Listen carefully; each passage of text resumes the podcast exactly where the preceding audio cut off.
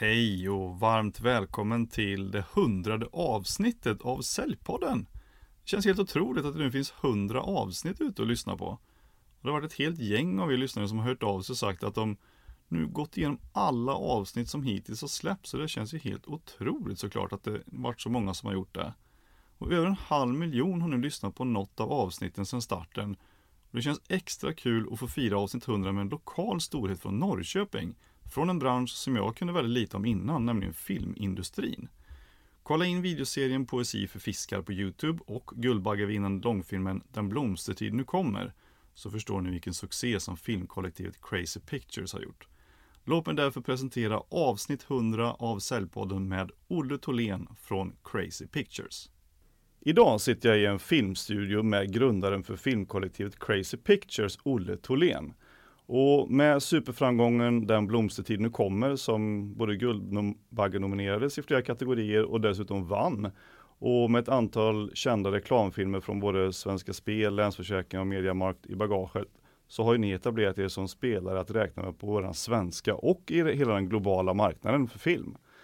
Och hur det går till att sälja film och filmidéer är ämnet för dagens avsnitt, så välkommen till Säljpodden Olle. Tack. När börjar egentligen ditt intresse för film? Um, ja men jag har tänkt lite på det där.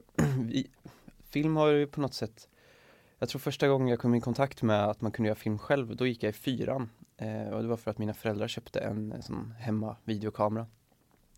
Och någonstans i, i femman, sexan så blev eh, det en sån här tid när man liksom går från att vara barn till att bli tonåring. Mm. Och jag tyckte det var väldigt tråkigt och då blev filmkameran en anledning att fortsätta leka eh, kommer jag ihåg, känslan av att liksom vara barnslig och, och skoja och, och tjoa liksom. Det var okej okay om man började filma det man gjorde. Mm. så att vi var ett, ett, gäng redan då när vi var väldigt små som, som gjorde film och som kunde hålla på hur mycket som helst. Alltså kvällar och helger och i skolan och bara filma, filma, filma. Man tittade aldrig på det man filmade utan det roliga var bara att filma grejer. Typ. Ja, Där någonstans tror jag att mitt filmintresse startade. Så vid, hur gammal är man då? 10-11 år? Just det. Där någonstans eh, som en ersättning till att leka med pinnar. en annorlunda hobby. ja, precis. Men visste du redan då liksom att du skulle, eh, att du ville göra det här i, i som professionellt då? Nej, det visste jag nog inte. Eh, under eh, högstadietiden så hittade jag väl in i filmen mer. Och sen valde jag en gymnasieinriktning som också hade med film att göra. Men hela tiden var film så här, ja men är det det jag ska liksom leva på eller är det mer en rolig grej så? Mm. Men sen tror jag att omständigheter, man träffar andra människor som tycker samma grejer är roligt och sen inser vi typ innan vi tar studenten att nej, vi borde testa och starta produktionsbolag och se om vi kan fortsätta göra det här som är så roligt. Och det gjorde vi och sen dess har vi hållit på så att det var liksom en dum tanke på gymnasiet som gör att vi sitter här idag. Ja. Men, men, hur, hur kom ni på liksom att det här produktionsbolaget skulle bildas och vad hade ni för tankar att ni skulle göra från början i det där? Alltså tanken från början var, jag har väl varit en av de kanske lite mer skeptiska i gänget, men några här, inga namn nämnda, har hela tiden haft den här naiva, jätteknivskarpa bilden av att vi ska göra svensk långfilm. Ja. Och vi ska göra de, de, bästa som man kan se. Ja. Vi ska göra någonting nytt och vi ska vara en ny generation som kommer in och liksom gör en annan typ av berättelser. Och eh, ja men säger man det nog många gånger så till slut så är ju det det som gäller liksom. Just det. Så att det, ja, det har lett fram till det. Men vad var det första ni gjorde då så att ni liksom nu har vi gjort den första filmen så nu kan vi kalla oss för att vi har ett, ett filmkollektiv eller ett, ett bolag som håller på att formas. Ja, men alltså, vi, hade, vi var ju ett, ett kompisgäng då, vi gjorde mycket film tillsammans under gymnasiet och sen så var liksom vi var ganska taggade på att starta produktionsbolag. Alltså det här att, att göra om filmen från en flummig grej till att bara säga nu ska vi ha bolag. Mm. Så för oss var det liksom det var skitkul att få registrera bolaget och betala in och få liksom aktieägaravtal och såna här grejer. Och sen så la vi mycket tid på att skaffa kontor och vi målade om och så här, här det här är vårt företag och vi ska ha telefonnummer hit och vi ska trycka upp loggan på jackor och så här. Det var väldigt viktigt för oss. Så vi, när vi startade företaget slutade vi typ göra film och la väldigt mycket tid på att starta igång det här företaget. Och sen så, så gjorde vi, jag minns att det första jobbet var vi filmade en, någon slags elgrej. Min pappas företag eh, sålde något så här till elindustrin. Så vi filmade den och så la vi på en text och så fakturerade vi 2 5 liksom. Ja. Det var första jobbet så eh, Och där någonstans började det. Eh, och, så vi gjorde väldigt mycket så informationsfilm och, och företagsfilm skulle jag säga. Inte ens reklamfilm i början utan företagsfilm. Första halvåret. Ja. Och ledsnade på det ganska snabbt för det var liksom inte det vi hade gjort tidigare tillsammans. Eh, så i den känslan så började vi prata om att göra parallellt med de här reklamfilmerna då börja göra kanske lite kortfilmer och musikvideos. Ja. Så där någonstans började vi göra dubbla verksamheter. Att vi dels gjorde de här grejerna som man kunde fakturera för och sen så gjorde vi egna galna projekt. Och nu har vi hållit på i 11 år och jag skulle säga brytpunkten var väl för kanske 6-7 år sedan när det började gå bra i båda delarna så att vi också kunde börja eh, vara stolta över den här egna delen när vi gjorde egna filmer och sådana saker. Mm. Så idag så har vi två, fortfarande de här två benen där vi gör reklamfilm, men sen gör vi spelfilm och nu gör vi långfilm. Mm. Men nu är de inte beroende av varandra ekonomiskt utan nu, nu lever båda de två delarna Mm. egna ekonomiska liv. Så vi gör inte reklamfilm för att finansiera den andra filmen utan nu, nu bär den sig själv liksom. Just det. Jag tänkte komma in lite grann på själva filmerna och Mm. mm. skapandet och sånt alldeles strax. Men bara, bara liksom från början, alltså hur lär man sig att göra film? För att det är, det är ganska många sekvenser, det är ganska mycket saker som Mm. behöver finnas på plats. Allt ifrån från story till material och, Mm. och kameror och klippning och Mm. hur, hur, hur har ni lärt er det här från början? Eh, Det är så svårt att säga när man har hållit på så sen man var liten men vi är ju, vi, vi googlar ju när vi inte kan. vi kollar väldigt mycket på behind the scenes eh, och inspireras av sånt man tycker är coolt. Mm. Eh, sen har vi, alltså vi har testat och gjort fel. Och jag tror det är så vi har lärt oss. Eh, och sen har vi, så ingen av oss har gått en filmskola eller någonting sånt utan det, Nej. har, det har kommit ur någon slags skaparlust. Eh, och ja, jag tror svaret är nog så enkelt som att vi har bara testat oss fram. Och sen har vi inte varit så rädda för att fråga heller. Alltså höra av oss till folk som hållit på längre och fråga mm, främst hur det funkar runt omkring med finansiering och, och sådana saker. Eh, Men vi har nog frågat oss fram och testat oss fram och kollat på mycket Youtube-videos. Ja. För du sa att du, du är ansvarig för alla specialeffekter och, och Ja. ljuddesignar ni gör filmer. Ja. Om man inte har liksom gått någon utbildning Ja. så känns det som, hur fasen lär lär man sig det förutom att googla och kolla på YouTube liksom? ja, det är så jag har lärt mig. Det är ett gediget intresse man har. Ja. Eh, Jag har hållit på mycket med musik innan, jag, innan vi drog igång vårt företag och eh, där i kom mitt intresse för ljud och specialeffektsintresset. Det ligger nog mycket i att jag älskar att göra alltså knäppa grejer och krocka bilar och göra sådana grejer och det faller sig ganska naturligt. Jag vet inte varför. jag gillar sånt. eh, ja, sen gör jag mycket den producentbiten också, liksom producerar och finansierar och det har jag också så här, det kommer automatiskt. Ja. Så jag tror att allt för oss allihop är ganska naturliga liksom saker som växer fram och sen har vi våran grupp där vi boostar varandra ganska mycket och, och sådär. Har ni varit med på mycket filminspelningar och sånt för att lära er och sånt? Alltså, Ingenting. Ingenting? Och det är lite otäckt för att vi, vi har liksom, vi har ingen erfarenhet av andras filmer utan vi har bara gjort våra egna. så jag hoppas vi gör på samma sätt som andra. Eller Ja. så här, ja. Eh, nej men så vi, vi har ingen erfarenhet av något annat än att skapa i den formen vi gör. Och det har vi gjort nu i, i snart, ja, i 11 år. Ja. Men hur, för eran första liksom stora succé var ju den här Poesi för fiskar som Mm. var som en YouTube-serie Exakt. kan man säga. Mm. Och sen som då växte till att bli ytterligare filmer efteråt. Men hur kom idéerna fram till att det skulle, ja men vi testar YouTube först? Mm. Alltså det var nog ganska eh, Det var i den här frustrationen jag beskrev tidigare när man gör väldigt mycket eh, reklamfilm och känner att man gör andras filmer hela tiden. Mm. När vi egentligen är sådana som vill skriva manus och göra saker härifrån. Och där ur kom den här frustrationen och vi skrev ett gäng manus som på något sätt vi Jag kommer ihåg att vi satte oss och ville eh, göra filmer som kändes lite så här Det skulle kännas lite i magen på något sätt. Man skulle sätta skrattet i halsen. Vi ville blanda samhällsaktuella ämnen med flippad humor. Mm. Så vi skrev upp olika ämnen och vi vill göra en film om eh, liksom, eh, klimatet, vi vill göra en film om eh, eh, rasism och så här. Och så hade vi massa ämnen och sen så klädde vi in dem i liksom i filmmanus och, hittade historier kring det. Och sen så eh, finansierade vi det själva.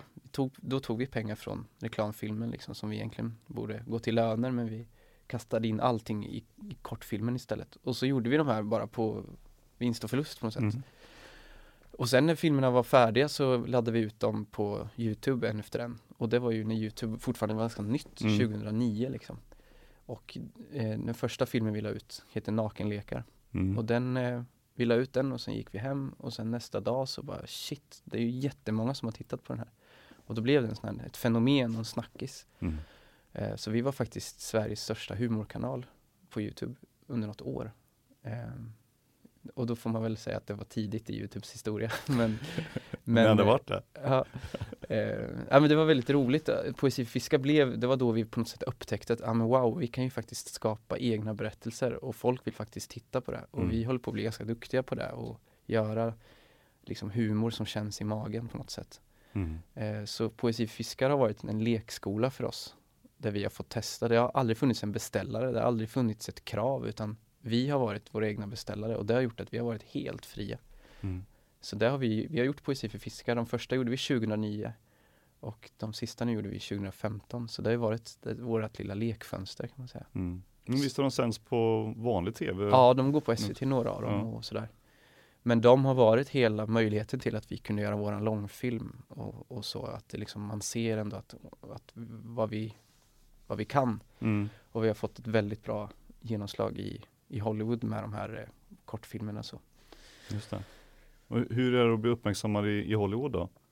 Eh, men det, det är speciellt. Vi, eh, vi gjorde en, en, vi har gjort som olika grupper av poesi för fiskarfilmer. Vi gjorde en, en batch 2015, de senaste vi gjorde.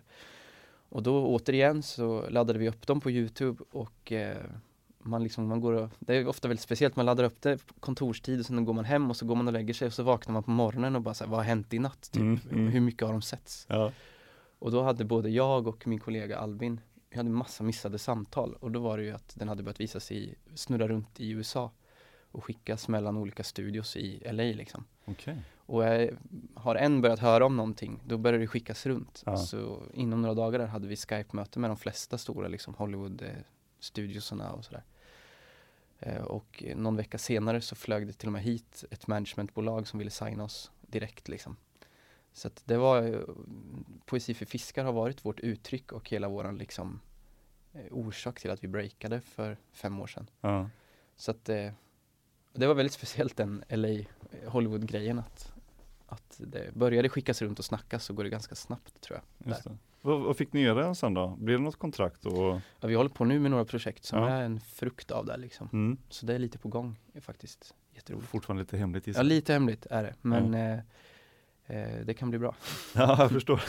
Gud vad spännande att få liksom eh, hur den resan kan vara att gö- göra en, en film Mm. som man själv vill göra, lägga upp det på Youtube och sen så helt plötsligt så kan eh, folk från Hollywood höra av sig och så blir Mm. det kontrakt av det. Mm.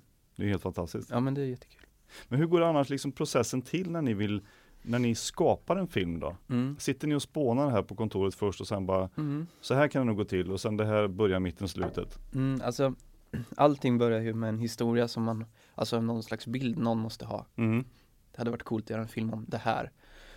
Ehm, men det som är grejen i film är att manuset är ju själva affärsidén, det är ju USPen. Mm. Så att allt trattas ju ner till att man måste få fram ett manus. Mm. Det är det vi jobbar med mest och det är det som alla i hela filmbranschen, det är liksom det, är det svåraste, att få fram en historia. Att gestalta den och filma den, det är ju är hyfsat, alltså det är ganska tydligt. Men vi lägger väldigt mycket tid på att försöka så här staka ut de här historierna. Mm. Ehm, Så det brukar gå till på så vis att det finns någon slags grundkoncept. Det hade varit coolt att göra en film om en kortfilm om miljöförstöring där naturen eh, attackerar människan istället. Mm. Och så, wow, det är en bra idé. Och sen så börjar vi skriva ett manus kring det. Och när det finns ett manus då, då går man vidare och sätter sig och börjar planera hur det här ska gå till. Ehm, och vilket är min favoritperiod i ett filmskapande perspektiv. Den här perioden mellan att det finns ett manus till att man går ut och filmar. För att det är då man skapar filmen runt ett bord och man hittar referenser och man letar runt och hittar platser man ska filma på och castar och så. Mm. Och det är då vi skapar filmen i grupp. Det är då vi sitter och alla idéer är bra idéer på något sätt. Sen när vi går ut och filmar, då är ju filmen på ett sätt klar redan. Då är det väldigt bestämt hur det ska gå till och man har ett väldigt tydligt schema och det kostar ganska mycket pengar. Så för mig är filmskapandet främst i början där liksom. Och sen när man har filmat då har man ju, kommer man tillbaks igen och har liksom en hårddisk med allt material och då ska det bli en film av det där. Mm. Och då, då skapar man filmen ännu en gång. Och då måste man också vara beredd på att saker försvinner och man får tänka om och så här. Så att en film skapas flera gånger. Mm. Och min favoritperiod är just den där allt, man har bestämt vad man ska göra och så ska man gå över till att gestalta. Det tycker jag är väldigt roligt.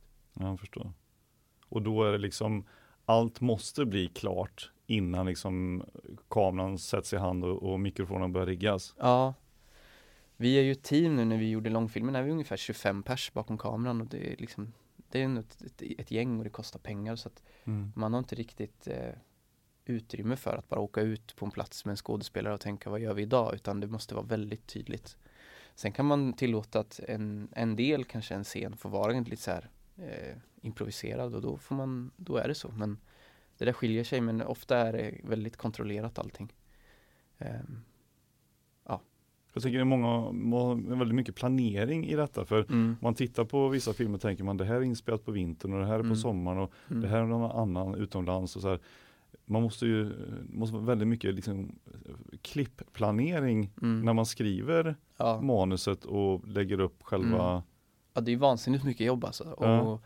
staka ut och göra allt det där innan. Och jag tror inte folk tänker på att ingenting i film kommer automatiskt utan allt är ju fake. Precis allt. Så att eh, ofta reaktionen med folk som kommer ut på en inspelning är att shit vad jobb det är bakom en film liksom. För man, man tänker kanske att man bara springer ut och filmar. Ja. Och så tänker man skådespelarna då, som gestaltar de här känslorna och kan börja gråta och sånt och så står det 20 pers och tittar på. Ja. Ja, det är ju ett imponerande släkte alltså. Ja. skådespelarna. Jätteviktiga och eh, man får passa sig för att inte bara se dem som en, liksom en funktion. För runt om behöver ändå vara någon slags, eh, de är inne i en annan värld. Vi andra bakom, vi kan ju vara sura en dag eller känna oss stressade men en skådis måste ju prestera liksom, till 100 procent. Så det är jätteviktigt att försöka skapa en miljö där de känner sig trygga och så här. Ja. Jag tänker, du nämnde tidigare här om det här med, med filmmanus då som är själva Mm. USPen eller liksom själva affärsidén egentligen. Mm. Hur gör ni då om ni sitter och spånar på en idé och så börjar ni snickra på ett manus och så börjar det ta form. Mm. När i den processen börjar ni vända er till, ja, men till SF eller till uh, finansiärer, investerare Mm. som, som tänker ja, men nu är det tillräckligt bra för att kunna presentera någonting. Det skiljer sig väldigt mycket eh, beroende på vem i finansieringsprocessen man pratar om. Mm. Vissa går man till väldigt tidigt, kanske redan innan man sätter sig och skriver och bara berättar att det här är en idé vi har och, och bara för att folk ska också få vara med tidigt i loopen och få komma med lite inspel. Mm. Eh, så att det viss finansiering är igång redan innan man börjar skriva och den sista finansieringen är kanske en vecka innan man går ut och spelar in. Mhm. Så det, det, det är en väldigt brett spektra där.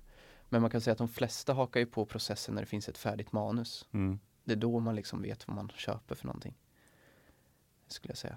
Men läser de manuset innan de tackar ja ofta? Då? Ja, alltid. De gör det? Ja. Allt börjar ju med ett manus liksom. Mm. Jag tänker ifall man har gjort ett antal succéer så tänker man, ah, Crazy Pictures, de har alltid bra grejer så vi behöver inte ens läsa det för det. Ja, ja men det är klart, det blir, nu var det ju vår första långfilm vi gjorde så att då var ju det i fokus att liksom, vad, vad är det här för någonting? Nästa gång är det väldigt mycket enklare för att ehm, ja men det är lite som du säger att nu, nu vet vi vad de går för och, och då har de nog koll på sin historia men de flesta vill ju ändå ha koll på vad det är för film man gör liksom. Ja. Så man vet vad man investerar i. Exakt. Ja. Men hur går själva liksom argumentationen till här då? Att, menar, det finns ju tusentals stories att berätta. Mm. Varför just den här storyn, eller varför just den värd att investera i liksom? Du menar mot ett finansieringsperspektiv? Mm. Ehm, nej men alltså till slut så, det, är ju, det ska ju trattas ner så långt att eh, vi ska ju få folk att avsätta en kväll och betala 130 spänn eh, för att se filmen. Mm. Och är det relevant för folk att göra det? Mm. Eh, och är svaret ja, då är det ju en bra idé. Ehm, vi, eh, vi skäms inte över att säga att vi på något sätt gillar att tänka in publiken tidigt. vissa filmskapare är ju liksom att eh, det är skitsamma om någon tittar på filmen bara jag får göra den. Mm. Men vi, jag skulle säga, vi kanske inte är så här kommersiellt drivna på det sättet men vi, vi tycker verkligen att det är viktigt att tänka på publiken tidigt och vi, vi, det är viktigt för oss att filmen får en stor publik och ett stort genomslag. Mm. Ehm, så att säljargumentet är ju på något sätt att, att det måste vara en produkt som folk vill se. Mm. Då är det en bra historia. Och där har vi väl sett så här, jag menar om du går ikväll och ska gå på bio så är det ju, det är högt och lågt liksom. Mm. Det kan vara en, en, en rulle som verkligen bara är pang pang och springa runt och popcornrulle liksom. Mm. Och så finns det filmer som typ förändrar människors liv när de har sett dem. Mm. Men som ändå är stora och kommersiella. Så att eh, ja, eh, det ska vara relevant för en publik att betala för att gå och se. Mm. Vad var frågan? Ja, men hur hur, hur jag- ni liksom med den här, varför är själva eh, när ni kommer och ska Mm. pitcha in det här, att, Mm. hur får ni dem att, att eh, tycka att det, just den här idén är Mm, så pass himla så. bra så att man vill eh, investera i den och att ni ska få göra filmen? För det finns ju tusentals stories Ja. att berätta liksom. Ja, nej men det är väl vårt jobb att kunna, entu- hur säger man? När man kommer med sin entusiasm. Ja. Eh, och vi får dem ju att gå igång på det genom att liksom måla upp, så här bra kan filmen bli, det här kommer ni få se. Vi tror att vi kommer attrahera den här typen av människor som kommer vilja se den här filmen. Eh, vi, ni får inte missa den här filmen, liksom. den här måste få bli till. Mm. Och det är ju svårt för att film är ju känslor och ibland är det svårt för folk att förstå va- varför är det här en bra film. Och det problemet hade vi jättemycket när vi gjorde Blomstertid. Att Mm. man förstod inte varför ska ni göra en film om Sverige under attack som debutfilm. Liksom det, det är för konstigt, ni borde göra en enkel film. Ehm, men vår, vi vill inte göra en enkel film, vi vill göra det. Så då gjorde vi en pilot. Och det är ju Mm. ett sätt att kunna så här, få folk att känslomässigt bara fatta.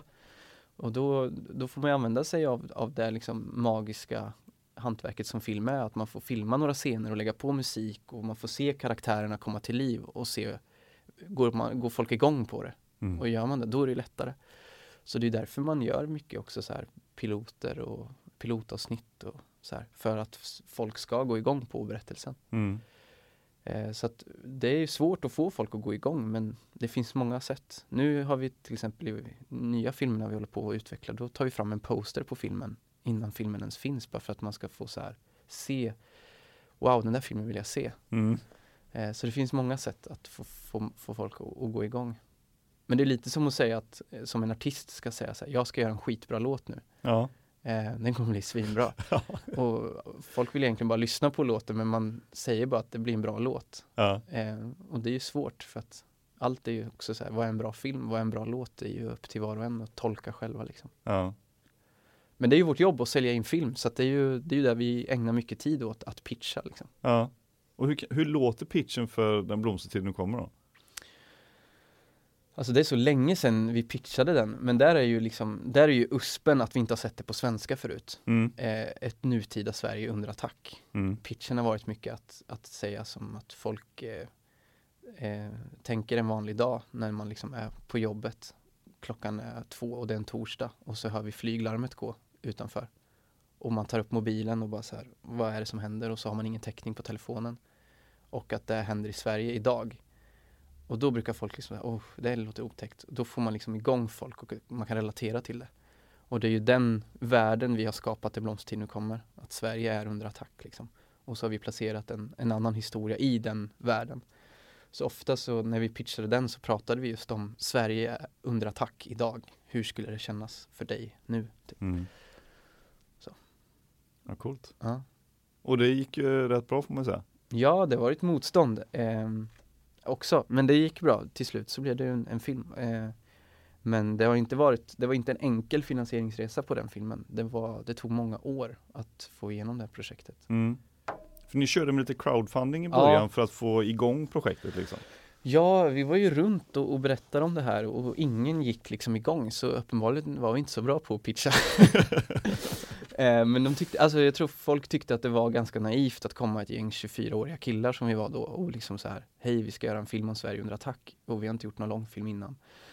Och den ska kosta 18 miljoner eh, och folk tycker bara så här, hur ska ni lösa en sån film för 18 miljoner? Den borde kosta 180 miljoner och Ja. ni är alldeles för unga och ämnet känns ganska trött.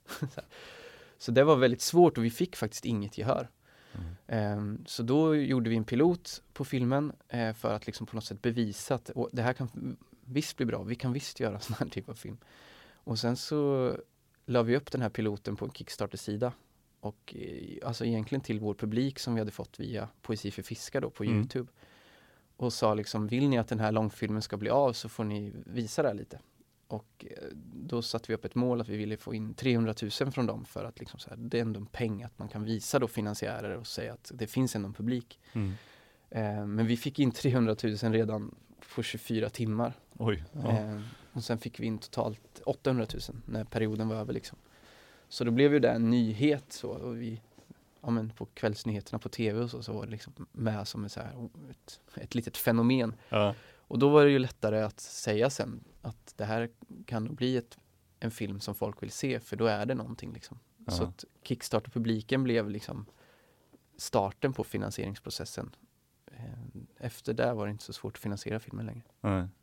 Men är det ett sätt som du märker nu att flera andra som vill göra film har tagit efter? Att man vill också, jaha det verkar funka att köra crowdfunding på sina projekt. Alltså tyvärr tror jag, vi pratar mycket om det, här, men så här, crowdfunding är inte ett redskap som man bara kan ta och tro att det funkar varje Nej. gång. Eh, det är klart att man ser att andra, alltså vissa ju, finns ju helt galna Kickstarter-kampanjer liksom som Ja. drar iväg, men jag, jag tror inte att det är liksom framtidens sätt att finansiera film. Det går i vissa fall. Ehm, men, men eh, ja, jag vet inte, jag tycker det jag tycker ibland bra projekt folk lägger upp och försöker få med sig sin publik och det händer absolut ingenting. Ibland smäller det totalt. Mm. Ehm, men ja, det är en cool grej som ändå finns och jag tror många företagsidéer och bra saker uppstår via crowdfunding. Ja. Men hur funkar, nu har ni ändå liksom, den här Blomstertiden kommer har ändå liksom blivit en, en jättesuccé. Den har sålts i över hundra länder, rättigheterna. Och eh, den har ju blivit Guldbaggenominerad i, var det fyra, fem olika kategorier? Fyra. Fyra, ja, Mm. och vann en utav dem. Mm. Eh, och ni fick ju, ert eh, filmkollektiv blir liksom eh, väldigt upplyft av det här Mm. i media och utomlands också. Hur tacklar man det inför nästa grej då? Som ska, för att man, nu gjorde en superbra Mm. grej, har, nu har nivån höjts eh, helt plötsligt och nu Ja. måste vi prestera ännu mycket bättre och ännu större produktioner till nästa Mm. gång. Och det är skitsvårt. Ehm, Det är verkligen jättesvårt att göra det. Och det är framförallt svårt att göra det på samma sätt igen. Eller det går inte, vi kan inte gå ut till publiken igen och, och vara samma typ av underdogs som förra gången. För nu är vi faktiskt in, nu har vi gjort en långfilm redan. Ehm, så det är ju jättesvårt att följa upp.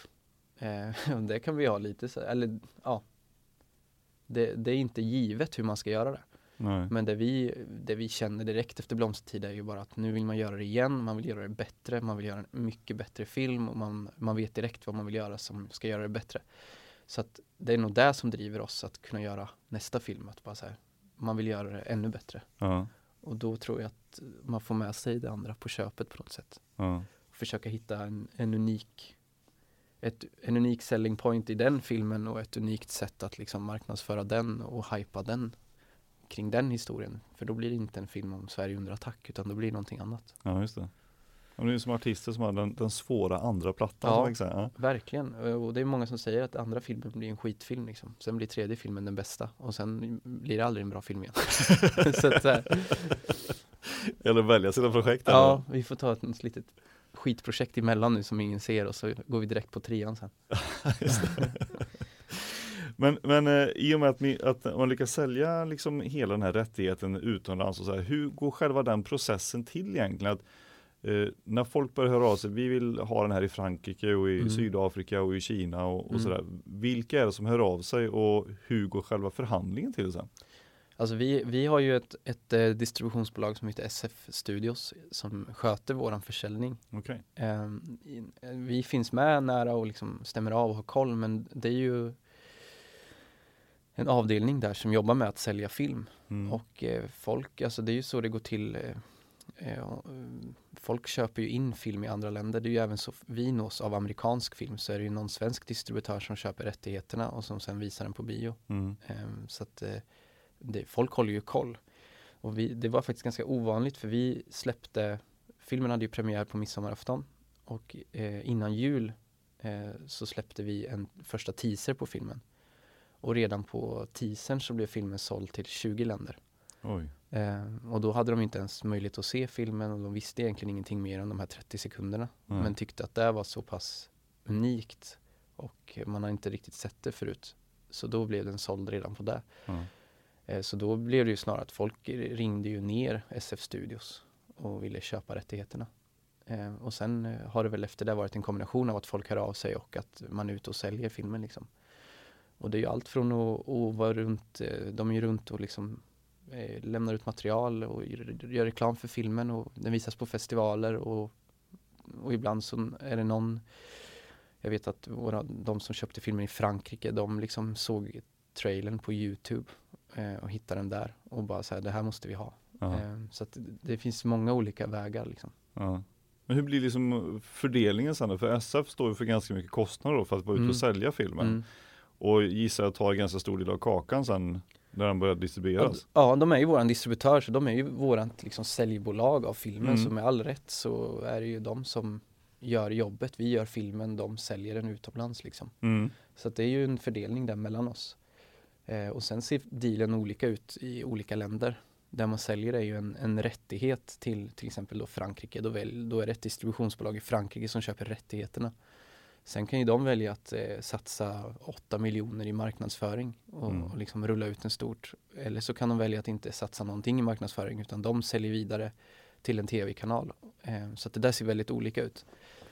Eh, så i vissa länder nu så går den på bio as we speak och i vissa länder går den ut på tv och något land kanske avvaktar något halvår och drar ut den sen direkt på hyr och köp och så här. Mm. Så det där är jätteolika. Just det. Men då får man en påse pengar eh, varje gång som den eh, köps eller visas eller? Ja, det är ju, det är ju liksom en avstämning att, jag vet inte, det ser olika ut men eh, man får en, en peng liksom. Eh, eh, de redovisar hur den har gått och så ska en del av den intäkten tillbaks till oss liksom. Mm. Så det är ju en produkt som lever och säljs i många år framåt. Eh, och vi tittar ju fortfarande Ibland ser man ju en film från 80-talet Mm. idag och det betyder ju att när du tittar på den så är det ju de som har gjort den får ju på något sätt betalt för det. Det. Så att en film lever ju om den gör liksom om den får lite genomslag så är det en film som säljs i många år. Ja. Är det lite som stimpengar kan man säga? Eller? Ja, det kan man säga. Och ibland blir ju en film hypad igen eh, efter många år och det är så med, med musik också. Ja. En, någon hittar en 60-talslåt och synkar den till en reklam och helt plötsligt är det en jätteaktuell låt igen och så här. Och säljer jättemycket. Ja. Ehm, men det görs ju väldigt mycket film och det är ju lite otäckt när man tänker på det. I år tror jag det gjordes 50, 50 långfilmer i Sverige. Eh, och det är inte många som bryter igenom och det är ju väldigt många som kämpar och som gör bra grejer och som lägger in sitt hjärta i det men det, det bryter inte igenom liksom. Nej.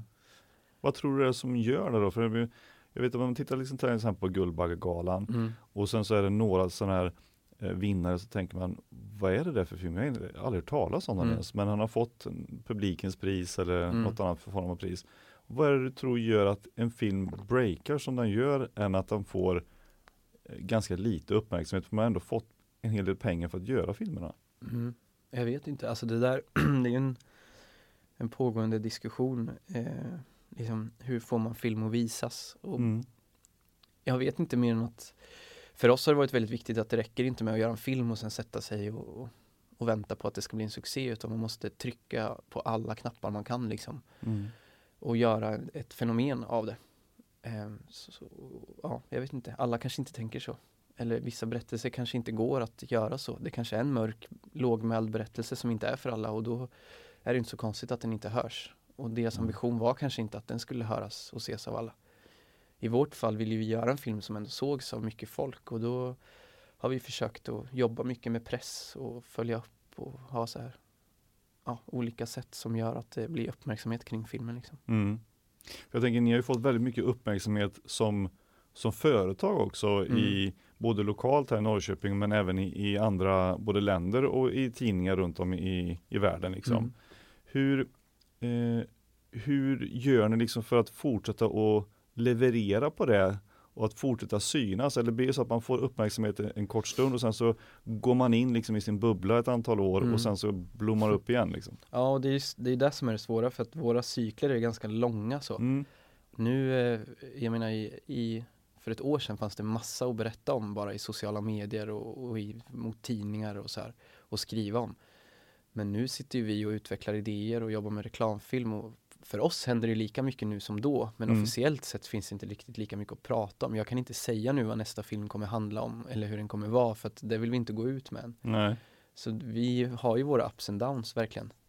Eh, men det blir ju lite uppmärksamhet när en film säljs till när vi breakade över hundra länder då blir det en bass kring det lite så här och det skrivs om oss och så här.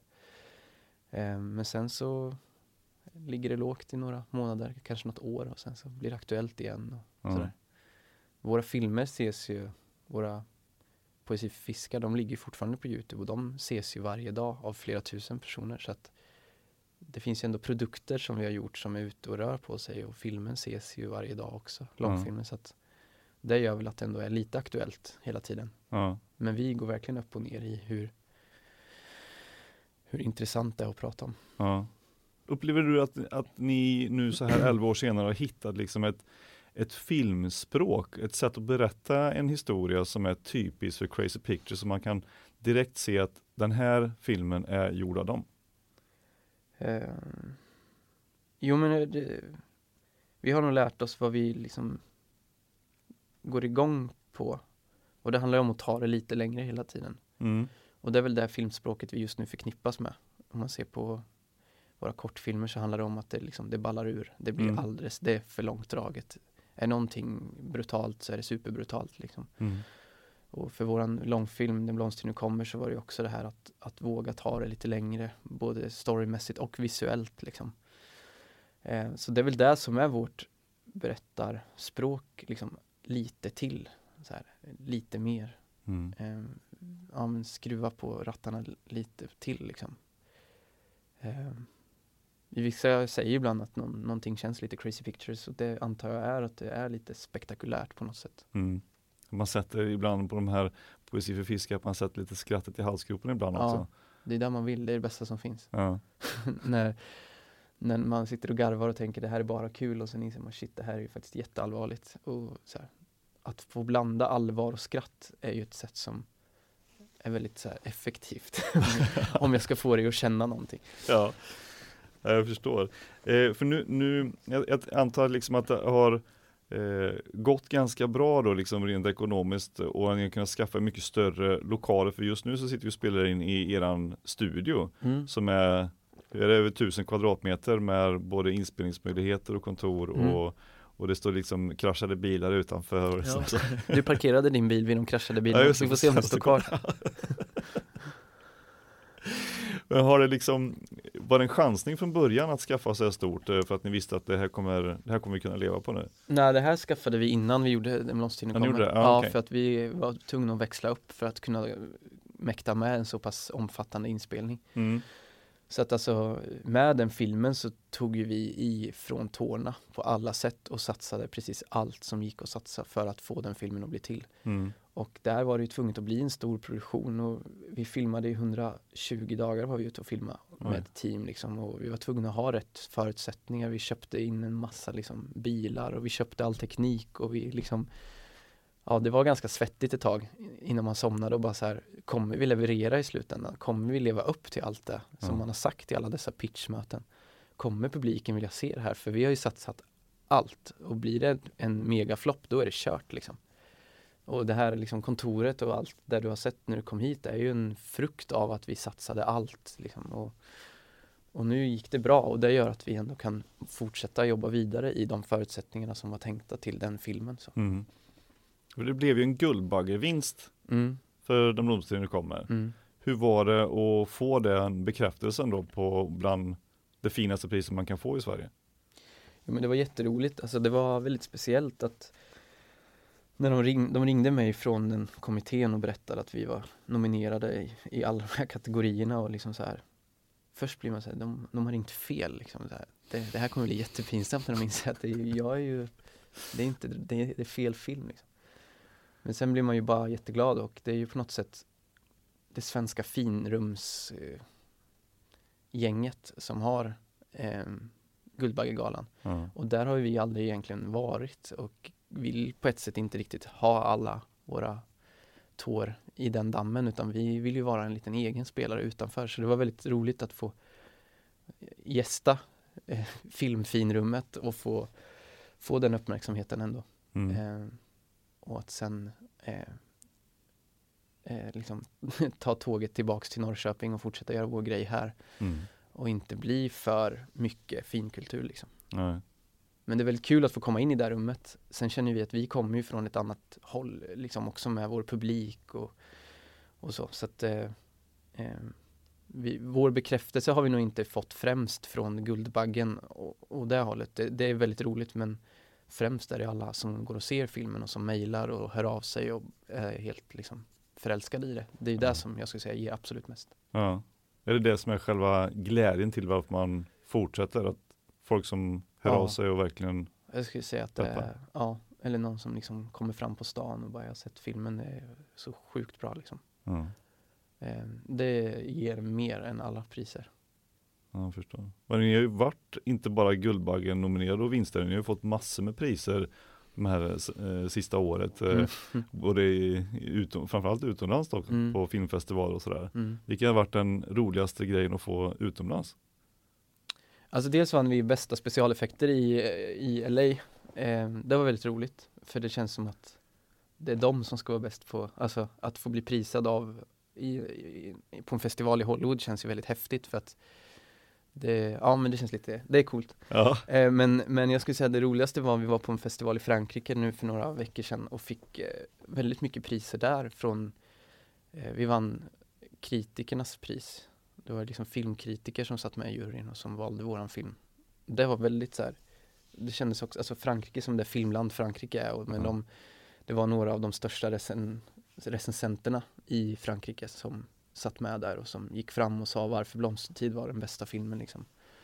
Det var väldigt speciellt. Det är väldigt konstigt att åka utomlands och visa en svensk film och sen att de säger vad de tycker om den och, så Ja. och läsa recensioner.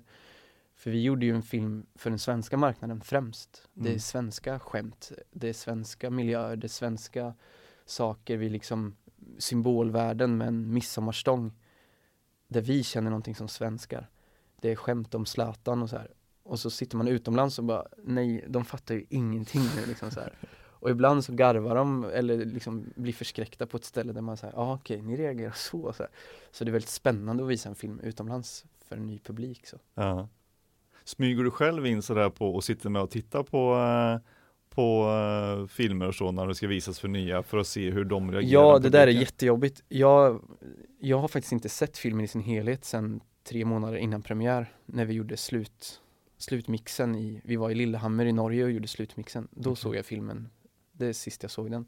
Men när vi visar den så smyger man in och sitter med en stund, sen går man ut kanske sitter utanför och dricker kaffe och så går man in igen efter 50 minuter för då vill man veta hur de reagerar på det där och så här. Ja, okej. Eh, men vi visade den i, vi hade internationell premiär i Texas av filmen. Eh, och det var, det är så här roligt att visa filmer för amerikanare för att i Sverige när man visar filmen då sitter ju alla liksom tyst och tittar och känner. Men i USA när vi visar den då liksom, när det är en, en fight-scen då ställer sig folk upp och bara yeah, yeah! Alltså. typ, och då, det är så här, då, vi var väldigt chockade första gången när det är en, den typen av reaktion liksom. Ja. Ehm, Så det, ja men det, den internationella delen att få exportera och visa upp utomlands är väldigt rolig och det har vi fått mer smak av och kommer tänka med redan tidigt i nästa film. Ja. Hur, eh, om du får ge lite tips då till sådana som både håller på med film men kanske andra eh, kreativa yrken, alltså med musik eller böcker eller eh, något liknande då. Mm. Hur ska man tänka då för att eh, göra det så intressant som möjligt för en köpare? Ja, svårt, jag, ja det är både och, för dels så skulle jag bara säga att det är svårt att göra eh, kreativa verk för någon annan än för sig själv. Alltså Mm. inte i att man gör det för sin egen skull men att till sist måste vi göra film som vi själva vill se. Eh, Alltså jag måste skapa en film jag själv hade velat se, annars vet jag inte hur, hur man gör. Mm. Precis som att en musiker kan inte göra musik som man inte själv går igång på. något. Nej. Ehm. Ja men, eller vad, vad var frågan? Jag, Ja, hur, hur man, om du ger lite tips ja, till, hur, hur man liksom, till sådana som, som sitter och skriver på sin bok nu, eller som Mm. har en liten eh, video eller en Mm. radiokanal eller vad man nu har som, som att man vill folk ska liksom eh, bli mer intresserade Ja, av precis. Hur Ja, men alltså- budskap? om man vill få sin produkt, eh, sitt verk, liksom, man vill få uppmärksamhet eller man vill sälja den, man vill få ut den, så skulle jag säga att går det inte att pitcha in den, om det så är en bok eller en låt mot ett skivbolag eller vad det nu är. Till slut så måste man hitta ett annat sätt. Man kan inte sitta och liksom sörja över att ingen förstår hur genialisk jag är, utan till slut måste man hitta en annan väg för det. Mm. eh, och göra det på ett annat sätt. Göra det mycket billigare eller kanske göra det gratis bara för att få göra det här för det kan leda till någonting annat i framtiden. Så har vi tänkt. Mm. I frustrationen av att inte få göra liksom de typer av filmer vi vill göra så gjorde vi kortfilmer bara för att så här, vi måste få uttrycka vad vi vill säga. Mm. Och de försökte vi också finansiera men det var ingen som ville köpa dem så då fick vi göra det själva. Och jag ser att vi lever ändå i en tid där det inte behöver vara så dyrt att skriva en bok eller liksom spela in en låt eller göra en film. Till slut kanske det är bättre att vara två polare och en iPhone och göra sin första film Mm. än att sitta i tio år och sörja att ingen förstår hur genialiskt manus vi har. Mm. Ehm, Så vi, när vi föreläser och pratar så brukar vi ofta säga till folk att prata inte så mycket utan börja göra efter ett tag. För att eh, det finns något väldigt destruktivt i att aldrig få ut saker. Mm. Ehm, Så det är mitt tips. Om ingen annan tror på det, gör det ändå och hitta en väg som funkar i det formatet, liksom, i det lilla formatet. Vill man bli bra på att skriva så skriv varje dag. Ja, och det går ju liksom, har man inte råd med en dator så kan man skriva den på ett papper med en penna. Mm. Det går ju liksom. Mm. Och tror man tillräckligt mycket på det så hittar man säkert vägarna till slut ändå. För att, Absolut. få ut. Eh, så är det ju. om eh, vi tittar lite framåt då. Mm. Vad, eh, vart kommer Crazy Pictures vara här de närmsta fem åren? Ja, det. Vi eh, sitter ju och har en, några långfilmsprojekt som vi, vi vill göra. Som vi utvecklar som är på olika faser. Eh, Och vår, det vi vill är ju på något sätt att vara ett, ett fritt bolag på det sättet att vi, vi är våra egna och vi kan själva avgöra vad vi vill göra och kunna svänga om skeppet lite. Och det behöver vara ganska lustfyllt. Mm. Eh, så vi vill fortsätta vara liksom ett, ett eget litet bonnigt produktionsbolag från Norrköping som gör film för hela världen. Eh, det, det är liksom vår affärsidé. Att fortsätta hålla det hyfsat litet men med väldigt stort resultat. Mm. Eh, och det, det är ju allt från långfilmer till eh, reklamfilm och kanske tv-serier. Så. Mm. så det, det är allt möjligt framåt. Men vi vill inte liksom dribbla bort oss själva och, och ändra för mycket utan vi vill fortsätta göra som vi har gjort. Och fortsätta ha kul och, eh, eller ja, jag hör ju hur naivt det låter när jag säger det men det är liksom Det handlar om att ha kul i grupp. Så, så när Hollywood kommer och säger nu vill vi köpa Crazy Pictures här och eh, flytta till, till USA så Det, det kommer det bli dyrt. Ja, Ja. eh, absolut inte intresserad av det. Nej. Däremot eh, kan man ta lite russinen ur olika kakor och fortfarande göra grejer för en internationell marknad. Men kanske inte behöver flytta till LA och bli en, ett sånt bolag. Liksom. Nej. Du sa att du är ute och föreläser en hel del, eller Mm. då och då i alla fall. Vad, vad brukar liksom folk vilja anlita dig för att höra om föreläsningar?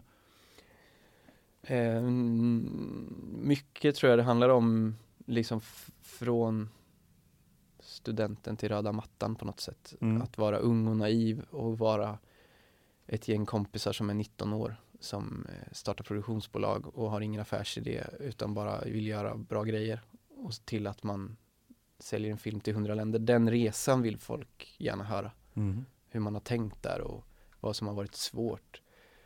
Och det finns så många delar att dyka ner i. Eh, man kan ha en som bara handlar om att utveckla idéer kan vi prata om. Jag kan föreläsa om mer entreprenörskapet och hur det är att vara bolag och att eh, vi kan liksom hålla en föreläsning om hur det är att jobba i grupp. Mm. Så det, det varierar ganska mycket vad vi pratar om men främst är det resan liksom. Mm. Ehm, vi har rubriken på min föreläsning som jag ofta håller är Det där går aldrig. Eh, att det är liksom så här det naiva projektet som inte borde gå. Mm. Där alla säger nej gång på gång. Men vi säger ja. och det gör att det slutar att det går på något sätt. Ja. Det, det pratar vi mycket om. Det kollektivet som ni har skapat i Crazy Pictures då är ju Ni har väldigt mycket olika roller i det. Någon Mm. behöver vara lite vd ibland och någon Mm. behöver vara eh, Mm. ta hand om, om andra saker. Mm. Eh, hur svårt är det att fortsätta hålla ett kollektiv när ni börjar bli lite äldre och familj och sådana saker? Det är jättesvårt. Mm. Ehm, och det tar jättemycket tid. Ehm, men det är väldigt viktigt och väldigt roligt. Men eh, det är en jätteutmaning. Mm. verkligen och får allting och, och vi, att gå från att vara liksom jätteung och eh, bara tycka att allt är kul och vilja vara på kontoret hela tiden och vill aldrig gå hem utan när man har slutat jobba då sätter sig alla och kollar på film ihop. Så var det ju för tio år sedan. Mm. Men så är det inte längre. Nu har alla jättemycket andra saker och eh, det är liksom partners och vissa har barn och det ska betalas räkningar och vara ett vanligt jobb också. Mm. Och att förena de två världarna är, det kan man också prata om en hel podd, liksom hur man får ihop, Ja. ihop det och hur ohållbar filmbranschen är på det sättet att den, den kräver på något sätt mer av en än att det bara, och vi vill inte heller att det ska vara bara ett 8 till 5 jobb. Mm. Eh, så det där är liksom, hitta den, den gyllene kompromissen mellan allt det där är skitsvårt alltså. Och hålla uppe kreativiteten samtidigt. Då. Ja, Och från ett kollektiv till ett annat, vi, vi ska ju, du ska ju snart träffa ett annat kollektiv. Ja, men vi har lite så här, vi träffar mycket folk och pratar och vi har lite så här samarbeten på gång med många. Pratar med mycket folk liksom om att göra grejer och hitta samarbeten och så. Mm. Och ni blir inspirationskällor till varandra förstår jag också. Ja, alltså det är det som är så roligt när man gör eh, film i Sverige och så att så många finns det inte och man inspireras av många. Eh, och eh, vi, som ett exempel när vi gjorde En blomster nu kommer var vi tvungna att ha en exekutiv producent kände vi. Någon som har gjort någon film som bara kan få hålla lite koll på håll. Och då, vi, det finns en film som heter Låt den rätte komma in som vi tycker är jättebra. Eh, och då så hörde vi av oss till producenten som har gjort den. Och han visade sig älska det vi har gjort så att då får man liksom jobba med någon som man tycker har gjort väldigt bra grejer. Mm. Och det är så vi har tänkt lite hela tiden att omge oss av eh, personer man ser upp till kreativt. Och, eller ser upp till varann. Mm. Både, och, och även när någon kommer hit och kanske ska vara med som mm, jobbar med att sminka eller en skådespelare eller någon som ska fota så måste man hitta folk som man bara säger shit vad grym du är. Mm. Eh, så det försöker vi göra i alla led. Känner du att det blir lite lättare för folk att eh, komma ut till, till Norrköping och det är lite mer avslappnat här än vad det är på många andra storbolag Jag vet inte. Eh, kanske. Jag hoppas att vi kan ha en miljö här som är ganska avslappnad och kanske lite mer prestigelös Mm. om det går. Mm. Eh, det är vårt mål. Att inte vara så Alltså att inte Det är så lätt att säga när man sitter och pratar i en podd om sig själv men att inte vara för självcentrerad heller och bara slå sig själv på bröstet. Nu känns det som att det är det jag har gjort i en timme här nu jag pratat men, men det är ändå viktigt för oss att försöka vara eh, lite chill och Ja. inte ta sig själv på så stort allvar utan se att det är faktiskt bara en lek alltihop. Ja. Och det behöver inte vara så blodigt allvar. Men det är ju också blodigt allvar. Så det är, men eh, ja, vi vill skapa en miljö här som är lite mer lek än allvar kanske. Ja. Tack så jättemycket för Tack att du tog själv. tid att vara med i Cellpodden och berätta och få, om, om hur man gör film och få en liten inblick i filmbranschen här och stort lycka till här med att fortsätta långfilmer får vi se när det nästa dyker upp på, vi, på biograferna här framöver. Vi får se. Ja, tack så mycket. Ha det jättetjena.